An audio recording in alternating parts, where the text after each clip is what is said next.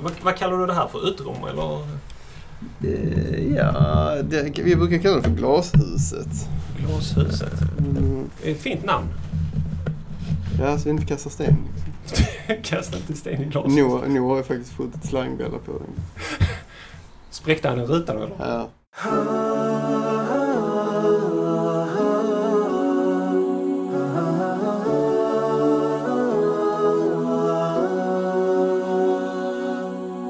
Assalamu alaikum och hjärtligt välkommen till Koranpodden. Jag heter Sally och du lyssnar på poddavsnitt 104. Detta är podcasten som hjälper dig förstå Allahs ord och där vi träffar spännande personer och samtalar med dem om Koranen över en kopp kaffe. Idag ska du få lyssna på mitt samtal tillsammans med min nära vän och bror Andreas Hasslott från Trelleborg. Vår vänskap sträcker sig cirka 20 år tillbaka i tiden. En tid då Andreas inte var muslim. Och därför kommer du märka att vårt samtal är både öppet och väldigt familjärt. Vi pratar bland annat om våra gemensamma studier i det arabiska språket vid Lunds universitet. Andreas pratar också om hur vi på bästa sätt förstår den muslimska gudstillbedjan dhikr, Guds åminnelse, och hur viktig den är i våra dagliga liv. Jag besökte Andreas Hasslert i hans hem och vi spelade in intervjun i hans glashus, ute i hans trädgård. Om du lyssnar noggrant så kan du höra fåglarna kvittra i bakgrunden. Idylliskt. Om du vill se bilder från mitt besök till Andreas, då kan du gå in på koranpodden.se 104 då du kan se några bilder som jag tog. Men innan du ska få lyssna på min intervju så vill jag tacka några Koranpodden-lyssnare som har lämnat recensioner via Apple Podcast och iTunes.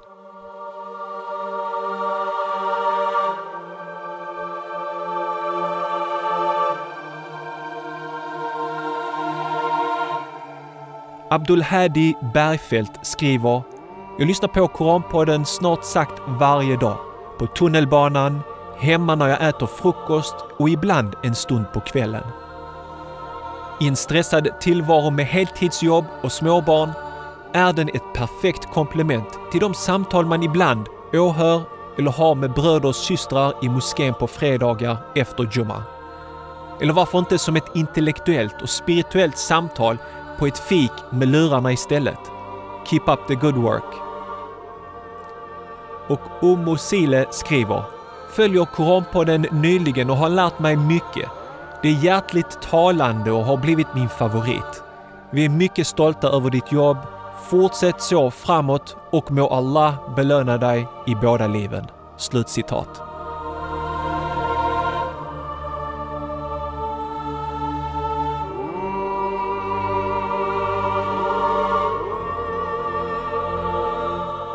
Stort tack till både Abdul Hadi och Omosile som tog sig tiden och skrev fina recensioner som motiverar mig att jobba ännu hårdare. Jag är jättenyfiken på att få veta vad du tycker om Koranpodden. Lämnar du också en recension med din iPhone? Länken för att lämna en recension finns på koranpodden.se 104 och under avsnittsinformationen i din poddspelare. Det tar inte mer än 2 till 3 minuter att skriva en recension och jag tackar så mycket på förhand. Okej, nu med försnack. Som sagt, jag lärde känna Andreas när vi pluggade arabiska vid Lunds universitet för många, många år sedan. Då var han buddhist och jag minns när jag frågade honom om den buddhistiska läran. Andreas åkte senare till Damaskus för att plugga vidare arabiska. Efter något år eller så ringde han upp mig på telefonen. Efter att ha hälsat och berättat om studierna så sa han något i stil med Och just det, jag konverterade till islam också i Damaskus. Jag var fullständigt överraskad, kunde inte tro mina öron, men jag var otroligt glad för honom för att han hade funnit sin tro. Ända sedan dess har han varit en mycket nära och speciell bror. Må Allah alltid välsigna hans liv och fylla alla hans dagar med glädje och lycka. Andreas är speciell. Här är mitt samtal med Andreas Hasslott som en dag valde att bli muslim i Damaskus.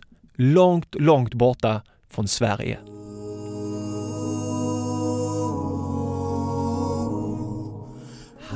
Ja, det är fantastiskt Andreas och befinner oss här i det här glashuset hemma hos dig. Tack så mycket för att jag får komma. Du är supervälkommen min gamla kära vän. Eh, Salam alaikum. Salamu alaikum. Eh, så vi befinner oss i Trelleborg där du bor. Det tog mig ungefär 20 minuter att köra neråt och eh, längre söderut kom man inte. I, och för sig Ystad kanske och sånt. Nej, men det är faktiskt så. Trelleborg är den eh, mest sydliga kommunen. Den, den sydligaste spetsen på Sverige ligger i, i Trelleborgs kommun. det är så alltså. Ja, just. Coolt. Och eh, jag såg en massa tyska bilar också. Ja, eller hur. Det är en stor hamn som man rullar på. Men de brukar stanna lite. Vissa, vissa stannar i alla fall. Okej, men Mm. är det mer som för, alltså för att komma till Europa? Eller nej, komma till, till Skandinavien? Som Ja, tyskarna är använder? jättemycket. Så kör de till Småland och, eh, Ja, och Blekinge mycket liksom, uppåt. coolt. Vill du berätta lite grann om Trelleborg och vad som fick dig att flytta till Trelleborg? Ja, alltså den är faktiskt lite...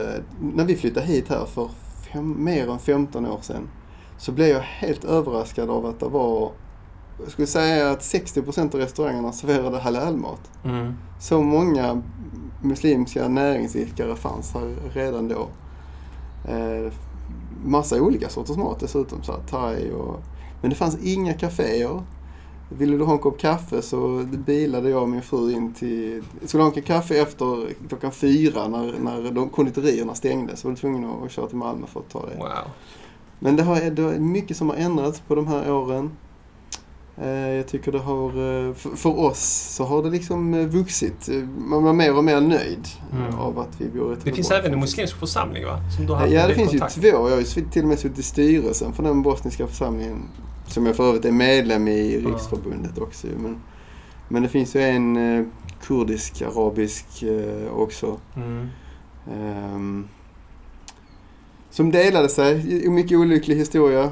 Mm. eh, strax innan jag gick in i styrelsen. Det är det, är det där, hela muslimska föreningslivet befinner sig där liksom i, i brytgränsen över att skapa svensk islam kontra behålla den nationella identiteten som man ju har liksom kämpar med att ge till sina barn samtidigt som man befinner sig i den här svenska kontexten som, som inte ger tillbaka någonting till, till din eh, muslimska identitet Mm. och så, så backar, backar då liksom första generationens invandrare in i att behålla någonting annars blir man helt identitetslös till Mm. slut. Liksom.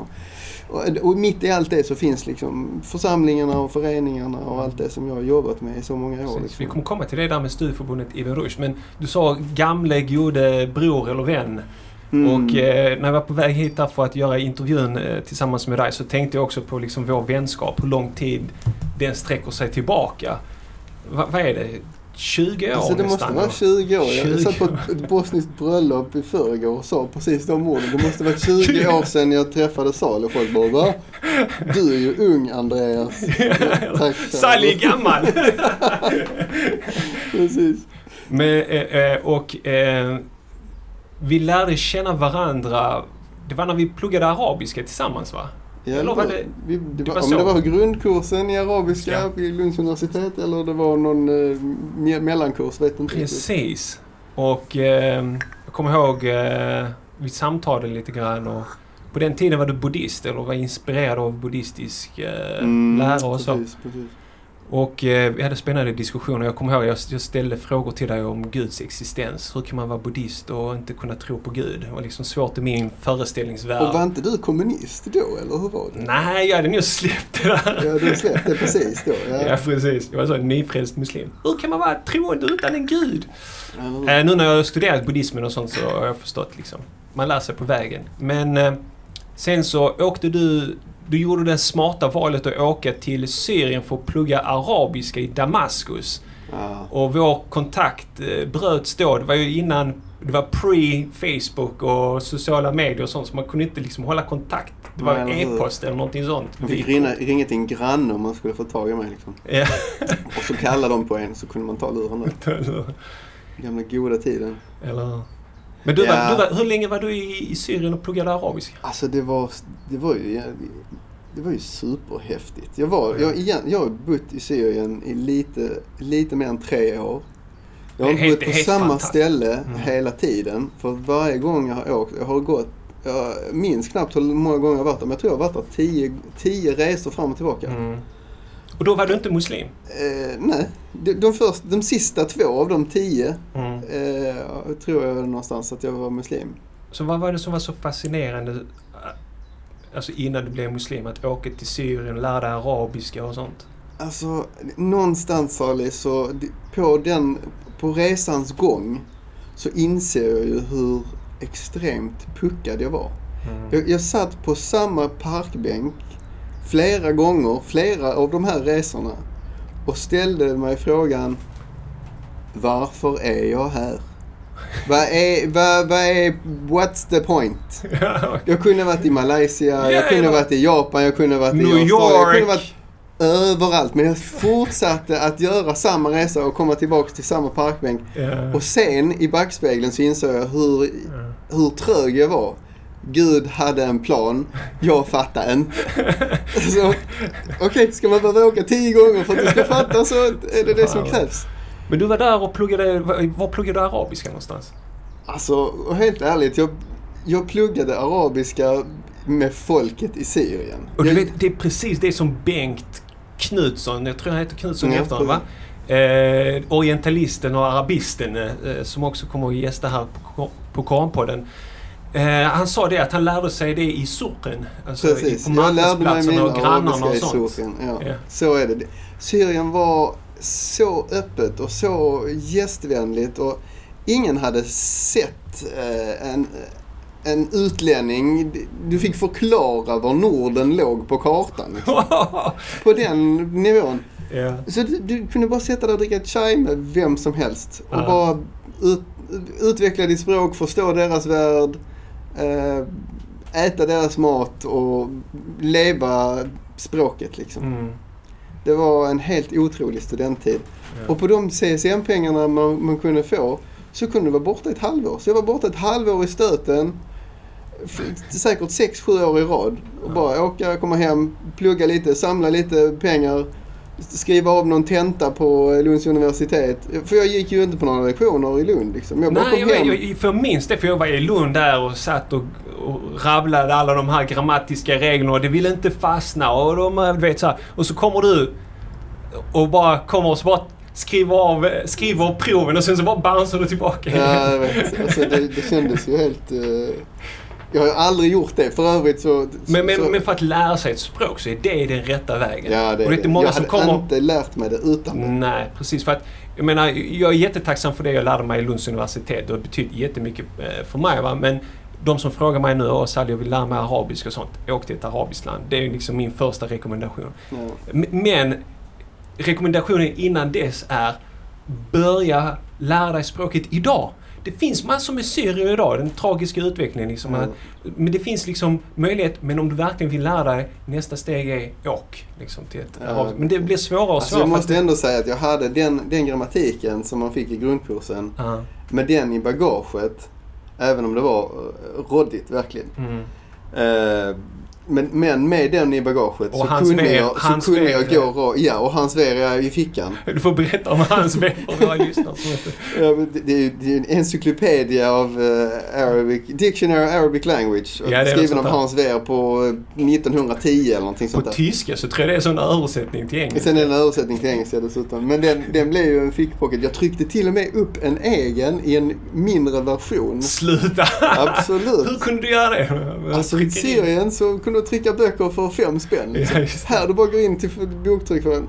Jag vill ha den här boken fast den ska bara vara så här stor. Ja, Grymt. vänta en vecka så har du den. Plopp, det kostar 10 kronor. Tack. Idag finns den säkert som en app eller någonting sånt där. Alldeles Eller? säkert. Men, det var nej, jag hade den överallt. Min, Ja. lilla, min lilla sidoväska, sån liten, liten eh, typ som Indiana Jones liksom. Ja, en sån väska hade jag ju all, i alla år. Och bara drog upp min, min Hans Ver som, ett, eh, som en revolver. bara, Så var det ord som du inte kunde eller skulle ta reda på. Och som jag inte kunde. Bara fram med dem. Men ja, det första året så, så pratar man ju som, som om man citerar en bok hela tiden. Och sen en man, gammal bok va? Ja visst väl det. Alltså, det, var inte, det var ju först när, när Osama bin Laden dök upp på TV många år senare som man bara Åh, kolla han pratar ju riktig fossa. Ja. Någon som kan något. Och, och, och det var ju så man själv upplevde de här studenterna som sen kom första året när man själv hade varit där i tre år och bara aha, nu i en bok. Du Jag har vet precis, du har precis kommit. Har precis kommit, välkommen på resan. Ja, det var nice. Och då, jag, hade, jag bodde ju med en massa studenter som, som också pratade helt mysko arabiska. Så vi Mm. hade, alltså kom det in, jag hade en vän som kom och besökte oss. Så satt vi två, jag och den här tysken och, och, och pra, pratade inom situationstecken arabiska med varandra. Och hon bara, alltså, vad, vad är det för språk ni pratar med varandra? ja, just det. ja, vi pratar arabiska. "Eh, nej, det gör ni inte. Eh, Okej, då vet vi vad vi det är stor, skillnad mellan klassisk arabiska och det vardagliga arabiska om man säger så. Alltså är det det? Eller Nej. inte? Ja, men... Alltså det är det egentligen inte. Mm. Eh, det är lite ord, framförallt ett ordförråd och sen så är det liksom runda av hörnen. Mm. Och lära sig var man rundar av hörnen Mm. på språket för att det ska bli amia av det hela i slutändan. Mm. Och sen så beroende på vilket arabiskt land du befinner dig så rundar de av hörnen på lite olika Mm. sätt. Och det är det som, som liksom ljudminnet måste lära sig för att du ska kunna hänga med när de tuggar på för fort. Liksom. Ja, just det. Jag fattar fortfarande inte riktigt egyptisk arabiska. De, de, jag har, därför att jag har inte lyssnat på alla, kan, alla araber kan egyptisk arabiska för att de lyssnar på egyptisk Filmerna. TV och egyptiska filmer och da, da, da, da, da. Men för mig som utomstående så sitter jag inte och glor på det. Strö-TV liksom. Så jag lär mig inte egyptisk arabiska om man inte åker dit där. det är vanan, alltså det man lyssnar på. Och Det är en sång. Varje språk har en egen sång och man, Mm. måste, man måste kunna känna igen den sången. Den är då. ganska populär den där egyptiska arabiska. Det är många som tycker den är vacker men jag tycker, jag är inte så imponerad. Nej, inte jag heller faktiskt. Jag, jag skulle säga att den libanesiska arabiskan är Jag hoppas, väldigt mycket får, jag mjukare. hoppas inte jag får en massa hatmejl nu från eh, egyptiska för arabisktalande. Jag, jag gillar den libanesiska arabiskan för den är mjukare. Eh, och de har, de har dratt ner på, på många av de här lite hårdare ljuden och Mm. rundat av dem. Är det för att de är lite närmare Turkiet kanske? Kanske det. Allah har stoppat in... Nej, jag vet inte. Men har, du, har du haft kontakt med några av dem som du lärde känna i Syrien idag med inbördeskriget? Alltså några enstaka. Men jag, jag ska vara helt ärlig med dig. Jag, jag blev rädd för deras säkerhet. Mm. Jag blev så rädd för deras säkerhet så jag vågade inte kontakta någon. Mm. För deras skull. Inte för att jag inte ville eller för att jag, jag hade jättegärna velat. Jag hjälpte en, en enstaka kille som, som vågade ta kontakt med mig. Jag, han befinner sig nu i Schweiz tillsammans med sin, sin lilla familj. Jag hade ute det på Facebook, samlade in lite pengar. Mm. Han lyckades fly med, med sin fru och hans nyfödda barn. Ehm, palestinier från, uh, från Mokhayam i, eh, i Damaskus. Som jag lyckades hjälpa att komma därifrån. Men jag menar på, på den tiden när du pluggade arabiska där, vilket, vilket årtal var det? Typ? Alltså, ja, precis. 90. Det, detta, vi, vi är fortfarande på slutet av 90-talet. Hafiz al-Assad levde fortfarande. Eller hur? Eh, jag upplevde ju också, då, jag var där det första halvåret när han hade dött och Bashar tog över och det blev liksom helt plötsligt fanns det internetcaféer på, som inte hade existerat överhuvudtaget Ja, så innan. hans son öppnade upp en del? Han öppnade upp en del och folk hade liksom hopp om Bashar al-Assad. Ja. Eh, I alla fall i början. Mm. Man liksom tänkte att ja, men han är ju tandläkaren som har pluggat i London. Ja, Liksom. precis. Eh, och sen, ja, gud vet vad det blev av. Men där, där är väl den, den djupa staten. Det är hoppet. Den Eh, djupa staten tog över liksom. Mm. och Nosade allt det. mm. Men kände du av den liksom att folk var rädda eller det här med mukhabarat, säkerhetspolisen? Ja, ja, jag var ju också övervakad. Det var, Jag kunde göra, det var så ett klassiskt... Eh, Alltså, så det låter som- rysk eh, övervakning liksom. Det låter som Rosa det- Pantern du vet. Ja, Alltså. Ja, men du kunde ju höra när du lyfte luren och någon Att det är någon som andas. eller? Ja, typ. Alltså det var så dödåligt liksom. Men, Eller var det men- när du var ute på eh, marknaden och handlade? Var det någon sån i eh, trenchcoat som, som gick efter dig? Nej, så var det inte. Nej, så var det faktiskt inte. Men, eh, men, men Syrien var ju, alltså på grund av den folkliga rädslan, den har ju fram och baksidor, så var det ju också, alltså det var ju också väldigt tryggt. Om du bara hade rent mjöl i påsen Ja, precis. och inte störde dig med regeringen så var det ju också väldigt tryggt. Du kunde ju lå- råka glömma din resväska mitt på gatan och ingen skulle ta den utan folk skulle ju bara eh, springa efter dig och säga hallå du glömde din väska liksom. Ja. Om det så var tio guldtackor i den så hade Mm. de sprungit efter dig. Liksom. Eh, och det var ju det var ju underbart som, som utlänning att, Mm. att känna den tryggheten. Precis. Hade man åkt någon annanstans så hade du inte fått Det var någon som liksom. nämnde, jag minns inte exakt vem, men eh, de nämnde att de var i Damaskus och de kunde gå ut på kvällarna och så. Ja, Eh. Han, han var icke-muslim svensk också som var där nere på besök. eh, Då, innan revolutionen och sådär. Ja. Men, men jag, jag kommer ihåg att du talade mycket varmt om det syriska folket eh, när du var i Lund och skrev dina tentor. Men eh, vill du ge några exempel liksom? eh? Alltså jag var ju nära på, jag menar det var också en tid jag, jag var ogift och det var därför jag kunde spendera så mycket tid med att resa fram och tillbaka och bara Mm. upptäcka, upptäcka världen jag säger så. Men jag var ju också väldigt nära på att liksom gifta mig och stanna där. Mm. Alhamdulillah att det inte blev så. Mm. Eh, Men eh, min, min farsa var nere och hälsade på och bara åh, älskade hammamkulturen. Jag, jag, jag tror jag besökte alla hammams i hela Damaskus. Jag funderar på att skriva en bok Om han- om hammams i Damaskus. Ja. Eh, när min farsa kom ner så bara, ah, kan vi inte köpa en hammam? Det kan inte vara så dyrt. Så här, 100 000 svenskar liksom, eller Ja. vad det nu skulle gå på. Alltså, det, kronan var ju liksom fem lira mot, fem, eh, mot en krona liksom. Mm. Du kunde ju äta dig mätt. Hade du fem spänn i fickan så kunde du äta dig mätt för en dag. Liksom. Wow. Det, det var helt otroligt billigt. Eh, och sen så kom Irakkriget och sabbade det och så, blev det, så steg priserna på allt. Liksom. Mm. För irakerna tog alla bostäder som fanns över och flyktingar. matens pris, allt steg för att det fanns en större efterfrågan. Liksom, Mm. och sådär. Ehm, så det ändrade sig lite. Sen så ändrade sig också inresereglerna. Så jag var ju tvungen att... Och, eh, jag kom dit. Innan kunde jag vara där en halv, halvår helt utan visum. För Mm. så var inresereglerna liksom.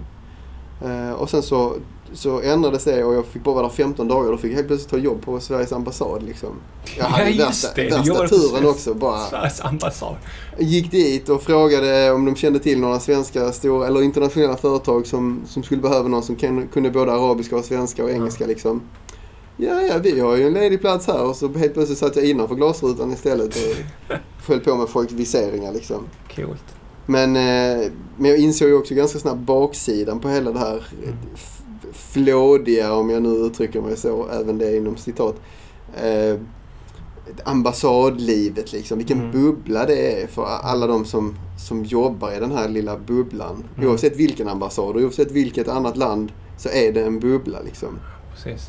De Mm. lär sig inte språket, de lär inte känna någon. De, de Helt håller- isolerade Ja, liksom. de nordiska länderna håller sig ihop. Liksom. Låt oss Mm. säga tyskarna, holländarna, belgarna, eh, nordiska länderna. Det Mm. blir liksom ett litet eh, så, societet och sen så Sydeuropa blir ett och Mm. Asien blir ett. Och, inte jättemycket traveling mellan de gränserna Ja. liksom.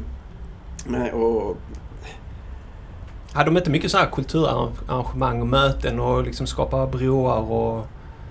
Alldeles för lite, men det var ju några trevliga grejer som, vi, som jag ju sen liksom tänker att men det är sånt som vi skulle behöva ta upp inom Ibn Rushd på, på den arabiska bokmässan till exempel. Mm. Eh, översättningar av svenska böcker till arabiska. Ja, det det. fanns ju, redan då fanns det liksom Pippi Långstrump och eh, Elsa Beskow och, Mm. och lite så här Coolt. eh, på, på arabiska. Och det skulle ju också behövas den andra tväröversättningen av arabisk, arabiska böcker till svenska. Mm. Liksom. Ser vi ju inte heller på marknaden. Liksom. Just för att kunna förstå vem, vem den andra är Mm. genom att läsa den andras litteratur. Mm. Sen så blev du muslim i Syrien. För jag kommer ihåg när du kom tillbaka så ringde du till mig och, och sa att jag kommer tillbaka till Sverige. Och jag var glad och sen sa du innan vi la, la på luren att du hade konverterat till islam. Jag kunde inte tro mina öron. Mm. Ja du, vilken resa. Alltså, varje gång jag åkte ner så hade jag olika mål med de här resorna. Mm. Nu ska jag lära mig... Eh, nu, nu vill jag ta mig an beduinkulturen. Nu vill jag besöka öknen. Nu vill jag åka till de och de städerna. Nu vill jag titta på eh, eh, de här geografiska områdena. Eh, nu vill jag åka under den årstiden för att se vilka blommor som eh, blommar då. Jag, Precis. du vet, jag hade olika mål hela Årstider tiden. är väldigt viktiga. Och jag, till slut så, så kom jag också till punkt, då hade jag ju läst, jag kunde, jag kunde så mycket arabiska, jag kunde så mycket om islam. Så att jag internt kunde konstatera för mig själv att om det finns en enda muslim som lever islam så som jag nu uppfattar att detta är islam. Mm. så vet jag att religionen lever och då är det värt att gå den vägen. Annars så hade jag ju studerat religion en masse, varenda väg, eh, överallt, alla spåren och kommit fram till att den är död, den är borta, essensen är slut. Mm. Det är bara ett skal kvar. Så den resan gick ju ut på att, att hitta någon som levde som jag uppfattade att man bör lä, lä, leva läran. Liksom. Mm. Och givetvis gjorde jag ju det. Liksom. Mm. Eh, men det i sig var ju en, en brottningsmatch med min själ. Den var... Det, det var... eh, Alltså det var gastkramande, som man säger. Jag, jag, jag hade en lägenhet i, eh, i nära Jisr al-Abyad, som det hette. Lite, lite finare ambassadområde, men halvvägs upp på berget som, som Damaskus lutar sig på som Mm. stad. Eh, och nästan högst, eller nä- nästan högst upp på berget så ligger där en, en grön moské. Eh, som, eh, som heter Masjid al-Arba'in. Eh, Den heter Masjid al-Arba'in därför att det är f- 40 sufis som lär ha eh, bott eller haft det som sin eh, hemmabas. Liksom. Eh, och den, alltså den kallade till mig. Jag, Jag kommer ihåg att du berättade detta till mig för typ 10, alltså nästan 20 år sedan så. När, du först, när vi först eh, träffades efter att du hade blivit muslim. En moské som kallade till dig. Ja, ja. Och, och, och den... Eh, och jag visste. Jag, det, alltså det här är visshet bortom kunskap. Jag visste att om jag tog mig till den moskén så skulle jag hitta rätt väg därifrån. Mm. Eh, och ändå så gick jag ner för trappan i en hel vecka. Alltså bestämde mig att nu ska jag gå. Och vågade inte och gick upp igen. Och säg att jag har gått ner halva trappan från en fjärdevåningshus och går upp igen. Mm. Stänger dörren bakom mig och är helt kallsvettig. Jag vågade inte. Mm. Jag, någonstans så förstod jag att går jag dit, sen kommer jag aldrig komma tillbaka som samma människa som gick ut genom dörren. Den, kampen, den inre kampen pågick i en hel vecka. Tills jag till slut gör det och samma dag slutar det med att jag konverterar framför en libanes, en amerikan och en engelsman i en annan liten moské som bara låg strax därifrån. Så. Eh, och det var den vackraste dagen Ja. som jag kan minnas efter mina barn. Mm. Subhanallah. Det är um, en, en helt omvälvande grej. Mm. Eh, jag saknar ord för den. Mm. Så stor. Um, och, och egentligen från den dagen så kan jag säga att svaret på alla dina frågor, svaret på alla mina frågor kommer på ett enda ord. Dhikr. Mm. Udkur Allah dhikran kathiran. Det är svaret och lösningen på alla dina bekymmer, alla dina vägar, Vill, vill alla du ge dina... en svensk översättning av den där koranversen? Nämn Gud ofta. Mm. Egentligen hela tiden. Om du har konstant dhikr. Om du ständigt är... Att, att vara i det tillståndet är det tillståndet som du vill konstant vara i. Mm. För att inte bli ivägsvept av varenda liten vind. Om den så kommer från dina barn, din fru, samhället, eh, din trädgård, ditt hus, din bil, din ditt jobb, allt. Som kan bara svepa dig iväg när som helst på fem sekunder. Men inte om du har rätt dhikr. Mm. Ehm, och den tog, den tog jag hem och jag träffade också människor som, som, som strävade efter att leva där. Mm. Och det inspirerade mig att det finns ingen tvekan på att detta är vägen för Mm. mitt liv. Sen, eh, sen hade jag ju redan konstaterat att, att islam är en, eh, en verktygslåda för själen. Mm.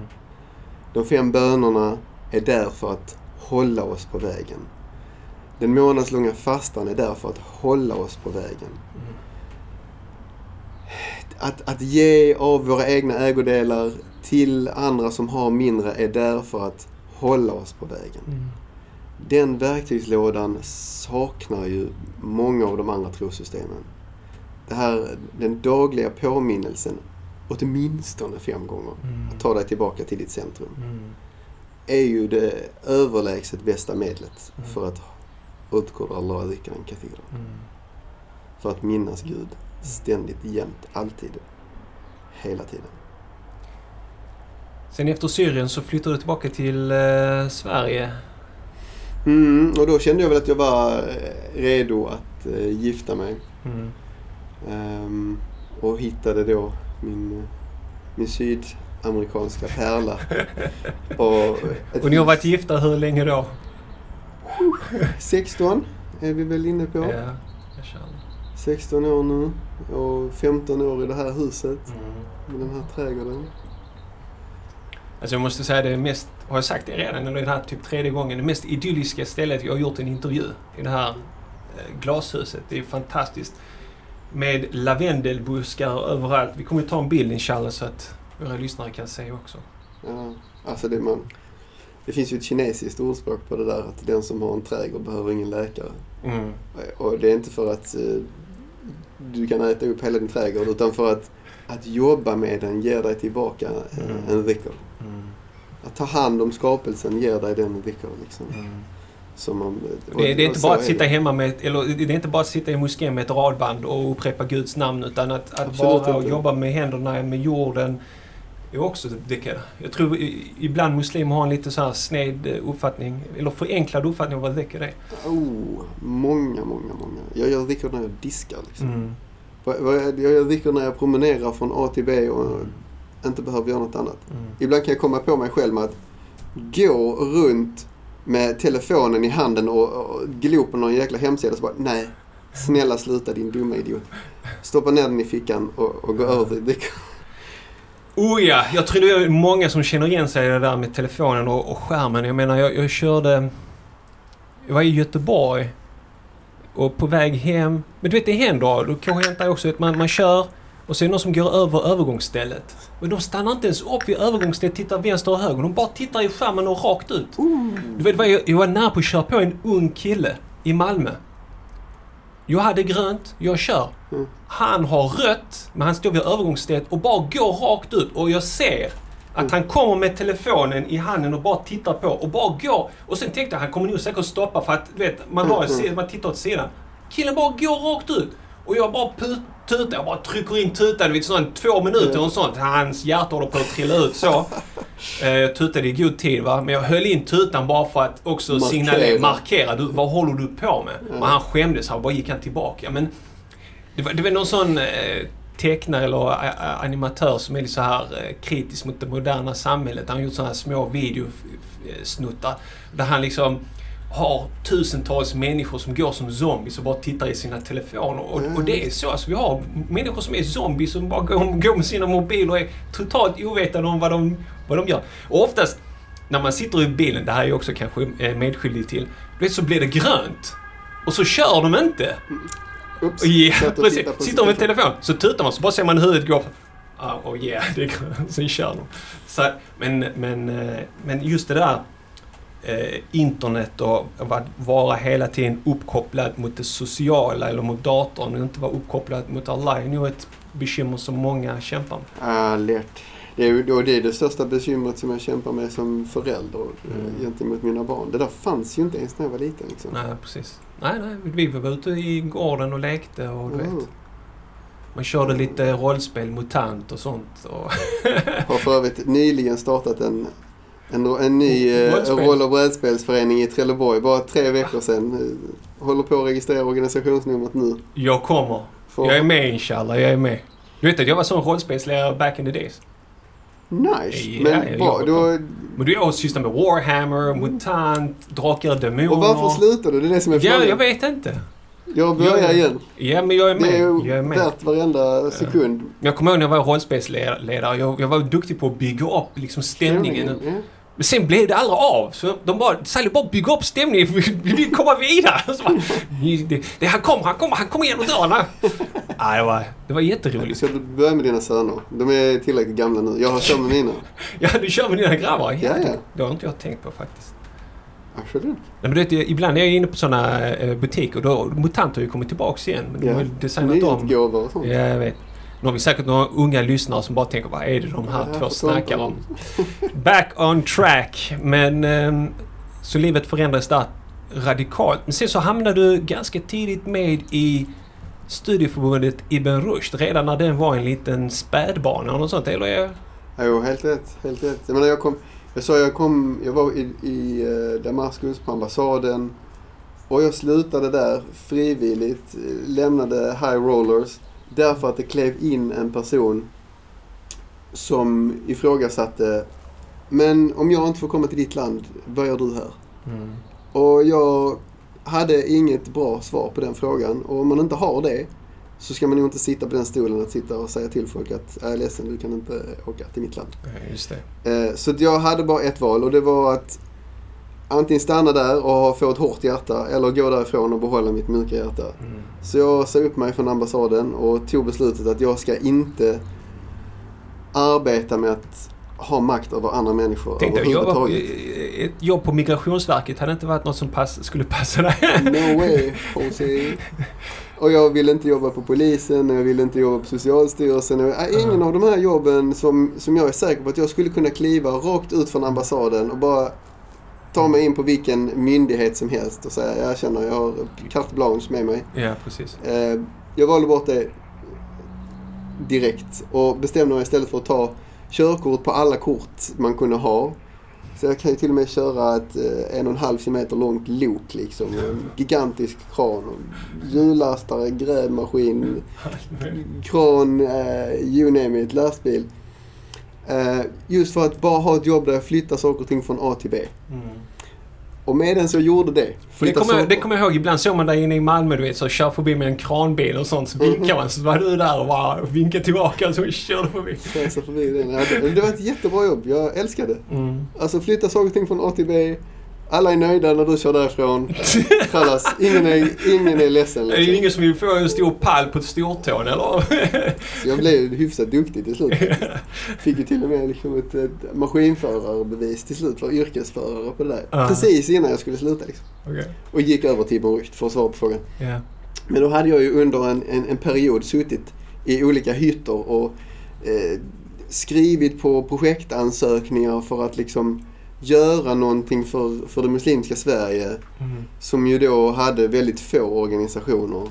Och Ibn Rushd hade liksom precis kommit upp på kartan om att vara någonting. Jag satt i styrelsen, jag blev snabbt invald i styrelsen eh, i Stockholm och sen satt jag i styrelsen i Södra. Men detta berodde också på den föreningen som du och jag hade tillsammans. Eh, Just Svenskt det. Islamiskt Stöd. Svensk Islamisk Stöd. Som ju var liksom en eh, konvertitförening i grunden eller nyfunna det- var- det var- muslimer det var- liksom. Precis, lite så konvertitförening därför jag, jag hade lite så svårt att liksom passa in. Det var därför jag, för jag är inte konvertit. Jag var född muslim. Jag, jag räknar mig själv som halvkonvertit eftersom jag hängde så mycket med konvertiter. Så. Ja men det, det var ju fler Men- men- som ja. hade den profilen liksom. Absolut, Men- vi, vi brukade träffas eh, hos varandra och umgås mycket och ha korta påminnelser och det var en fantastisk tid. Det var en jättefin tid. Mm. Och den, men den var ju också nyckeln till att, eh, att Ramadan då, som blev, eh, Ramadan Boussaidi som blev min första kollega Mm. i södra distriktet. eh, Han eh, fiskade upp oss eller fick nys på att vi fanns liksom. Och sen följde jag och Emrik med upp till, till Stockholm och, och Björn blev också involverad efter ett tag. Jag vet Mm. inte varför du inte blev det riktigt. Men Jag vet inte. Jag Jag var någon vägar. annanstans. Jag spelade, jag spelade säkert MUTANT eller något. Jag skojar. nej, det vet jag inte. Nej, det Men hur som helst, jag, så att ja, jag var ju med och, och liksom byggde upp organisationen från grunden Mm. väldigt, väldigt tidigt. Liksom. Vill, du- vill vi du kort liksom- berätta om studieförbund? Vad är det för någonting?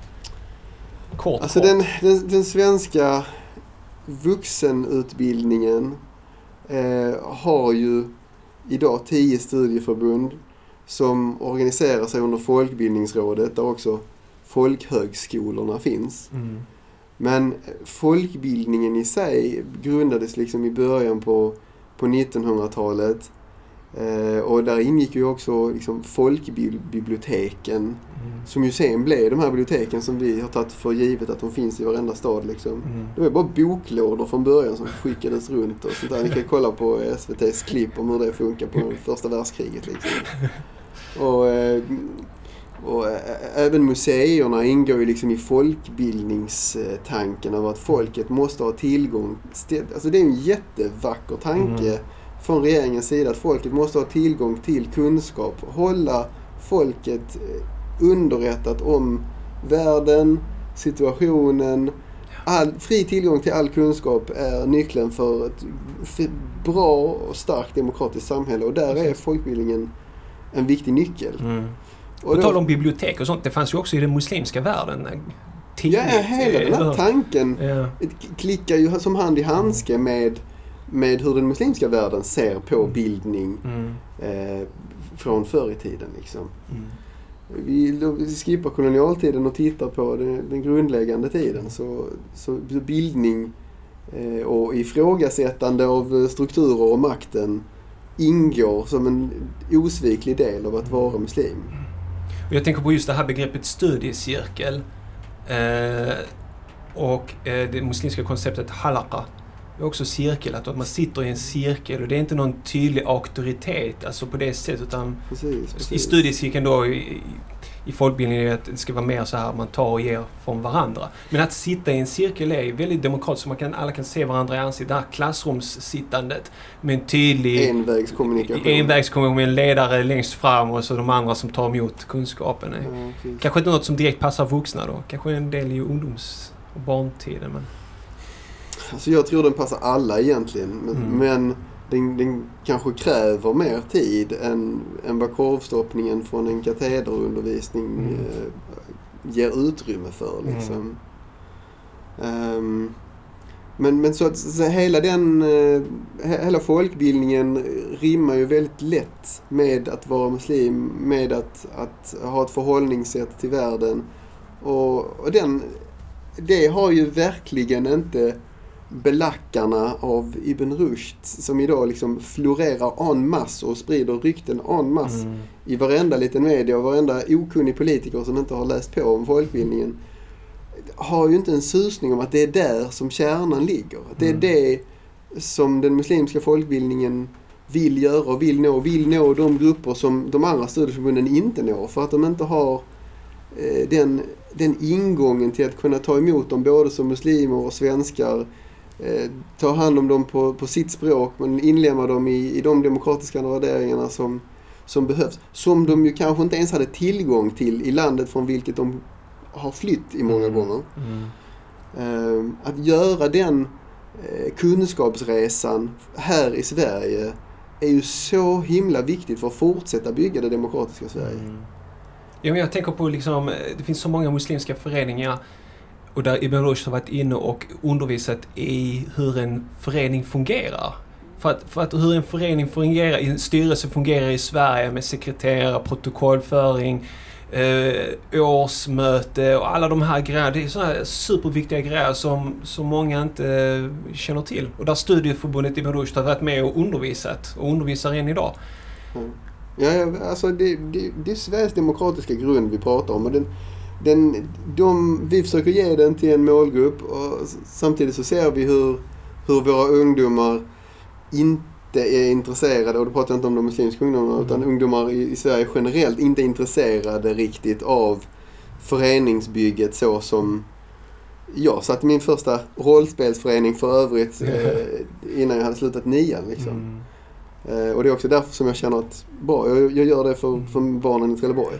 För att sätta dem i, i, samma spår liksom. Demokratin Det är- och folkbildningen. Över, och- överlag så har väl föreningslivet tappat lite grann. Så att ungdomar inte så, är så förtjusta att jag, sitta i en styrelse. Så det känns som att den lite äldre generationen är Men mer... det är den här, vi är tillbaka till det Mm. uppkopplade sociala Ja, medier-samhället. Liksom att eh, du kan tillfredsställa behovet av, av kontakt eh, via din telefon Mm. istället för att faktiskt träffas in real life. Precis. Men du tappar också en massa mänskliga kontakter, interaktioner och förmågan att, eh, att interagera mellan människor. Det är någonting du tappar när du gör det på telefon. För jag, jag tänker på ofta att det finns så här föreläsningar så, så, som moskéer har eller föreningar har. Så har de föreläsningar, så livesänder de via Facebook eller på andra plattformar och sen så har de föreläsning i moskén. Och så regnar det. Och vad tänker man då? Jag stannar hellre hemma och så tittar jag på det genom eh, liveströmningen istället för att vara på plats. Men när man är på plats, som du säger, det är en helt annan upplevelse än när du är framför datorn. Oh ja. Oh ja. Det är en Så- helt annan grej. Mm. Och det är ju, om vi är tillbaka till fokus och eh, dhikr, så eh, åminnelse av Gud, så, så eh, det är klart att när du sitter och, i sammanhanget så plockar du ju upp även de subtila signalerna på ett helt annat sätt än vad Mm. du gör där med din skärm liksom, eller bara ens hör ljudet. För den. Precis, precis. Uh, alltså det var, det var en ganska enkelt val eh, att, att gå mot. Mm. när jag kom hem från Syrien och valt att i, inte vilja ha kontroll över människor utan istället bara vilja vara, jobba, jobba positivt stärkande och utbildande liksom. Och det är det du har gjort inom studieförbundet Ibn Rushd med de olika roller som du har haft där. Ja, verkligen. Många olika roller har ju passerats nu över de här fem, ja inte 15 men 10-årsperiod som anställd och en femårsperiod som, som styrelseledamot och Mm. ordförande och kassör och allt möjligt däremellan. Um, så nu, nu har jag ju fått en, en, en roll som jag kanske hade önskat att det fanns utrymme för att ha redan då. Men Mm. där jag bara sysslar med utvecklingsarbetet. Mm. Den är jag ju väldigt glad för. Mm. Ja, det är fantastiskt att vara med och, och utveckla och komma med nya idéer och försöka plantera dem. Jag tror du är rätt person på rätt plats. Alhamdulillah. För att oftast i muslimska sammanhang så känner jag liksom att vi har för mycket fel folk på fel plats liksom. Men här eh, så när du berättar om det här så alhamdulillah. Jag är glad att höra det. Tack Salih. Och eh, det finns så mycket mer vi skulle kunna prata om. Jag vet att eh, klockan tickar och eh, du håller på och renoverar eh, lite i huset. Så jag vill inte ta för mycket av din tid. Det har redan gått 43 minuter. Wow. Yes. Och eh, så vi, vi får göra om det här eh, flera gånger inshallah. För jag är väldigt nyfiken att prata med dig om Eid-festivalen som eh, du har varit med och pushat.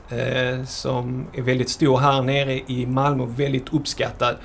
Och som hålls på Folkets Park. Och det är så kul att se dig där för att du är alltid så glad och... Eh, men, men det, det är lite grann... Epicentrum av en hel dag ska jag säga. Så mycket arbete alltså.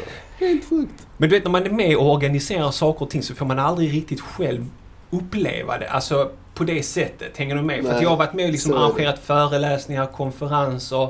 Så man är så upptagen och uppskruvad och hjälper och sådär så man själv inte kan uppleva det så att säga.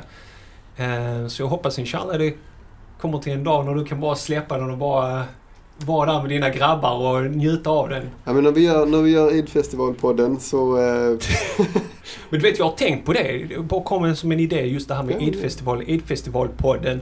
Men just att, att eh, som Koranpodden var på plats, intervjua barnen när de har kul. Men Eid-festivalpodden, det tycker jag om. Så det är någonting som du borde vidareutveckla inom Ibarosh studieförbund. ja, ja, ja.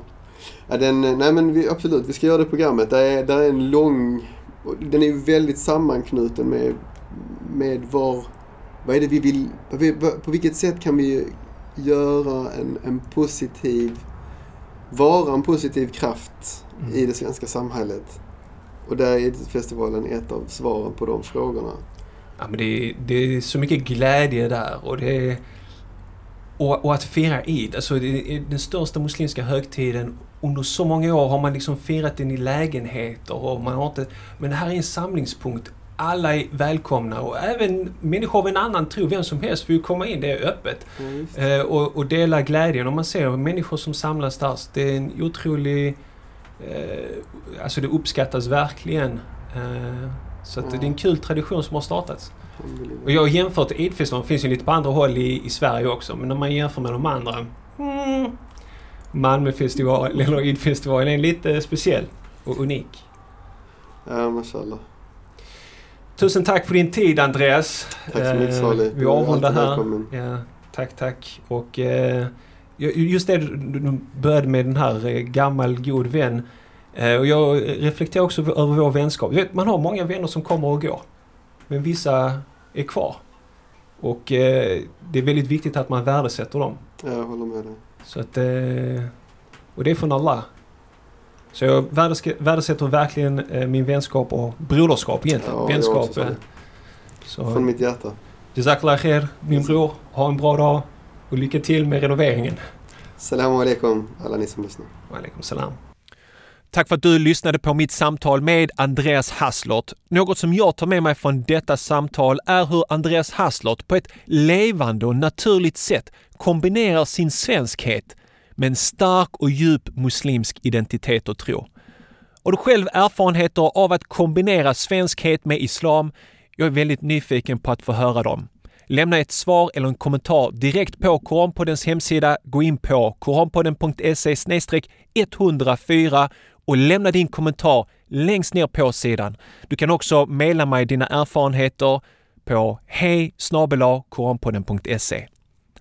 I nästa veckas avsnitt poddavsnitt 105 får du lyssna på första avsnittet i en exklusiv poddradioserie från Koranpodden som jag har valt att kalla för Knud Holmbo och hans väg till Islam. Knud Holmbo är dansken som valde att konvertera till islam år 1929 och som åkte till Nordafrika under den italienska kolonialismen. Han skrev storsäljaren Öknen brinner som kom ut i svensk utgåva år 1932. Jag läste ut boken och jag blev totalt tagen av Knuts historia, hans djupa tro och kamp mot den italienska fascismen och för rättvisa i en orättvis värld. Här kommer ett kort utdrag från poddradioserien Knud Holmbo och hans väg till islam. Han valde att bo och leva med nordafrikaner för att verkligen förstå den muslimska tron. Han hade inga politiska ambitioner med sin konvertering till islam. På sidan 101 i sin bok Öknen brinner skriver Knud om en incident som beskriver varför han valde att konvertera till islam. Missa inte min exklusiva poddradioserie Knud Holmbo och hans väg till islam nu på måndag inshallah. Vill du göra mig en tjänst och dela detta poddavsnitt med någon som du vet behöver bli inspirerad av Andreas Hasslorts sökande efter sanningen? Klicka på dela-knappen i din poddspelare eller dela helt enkelt länken till poddavsnittet via ett Facebook-meddelande koranpodden.se 104.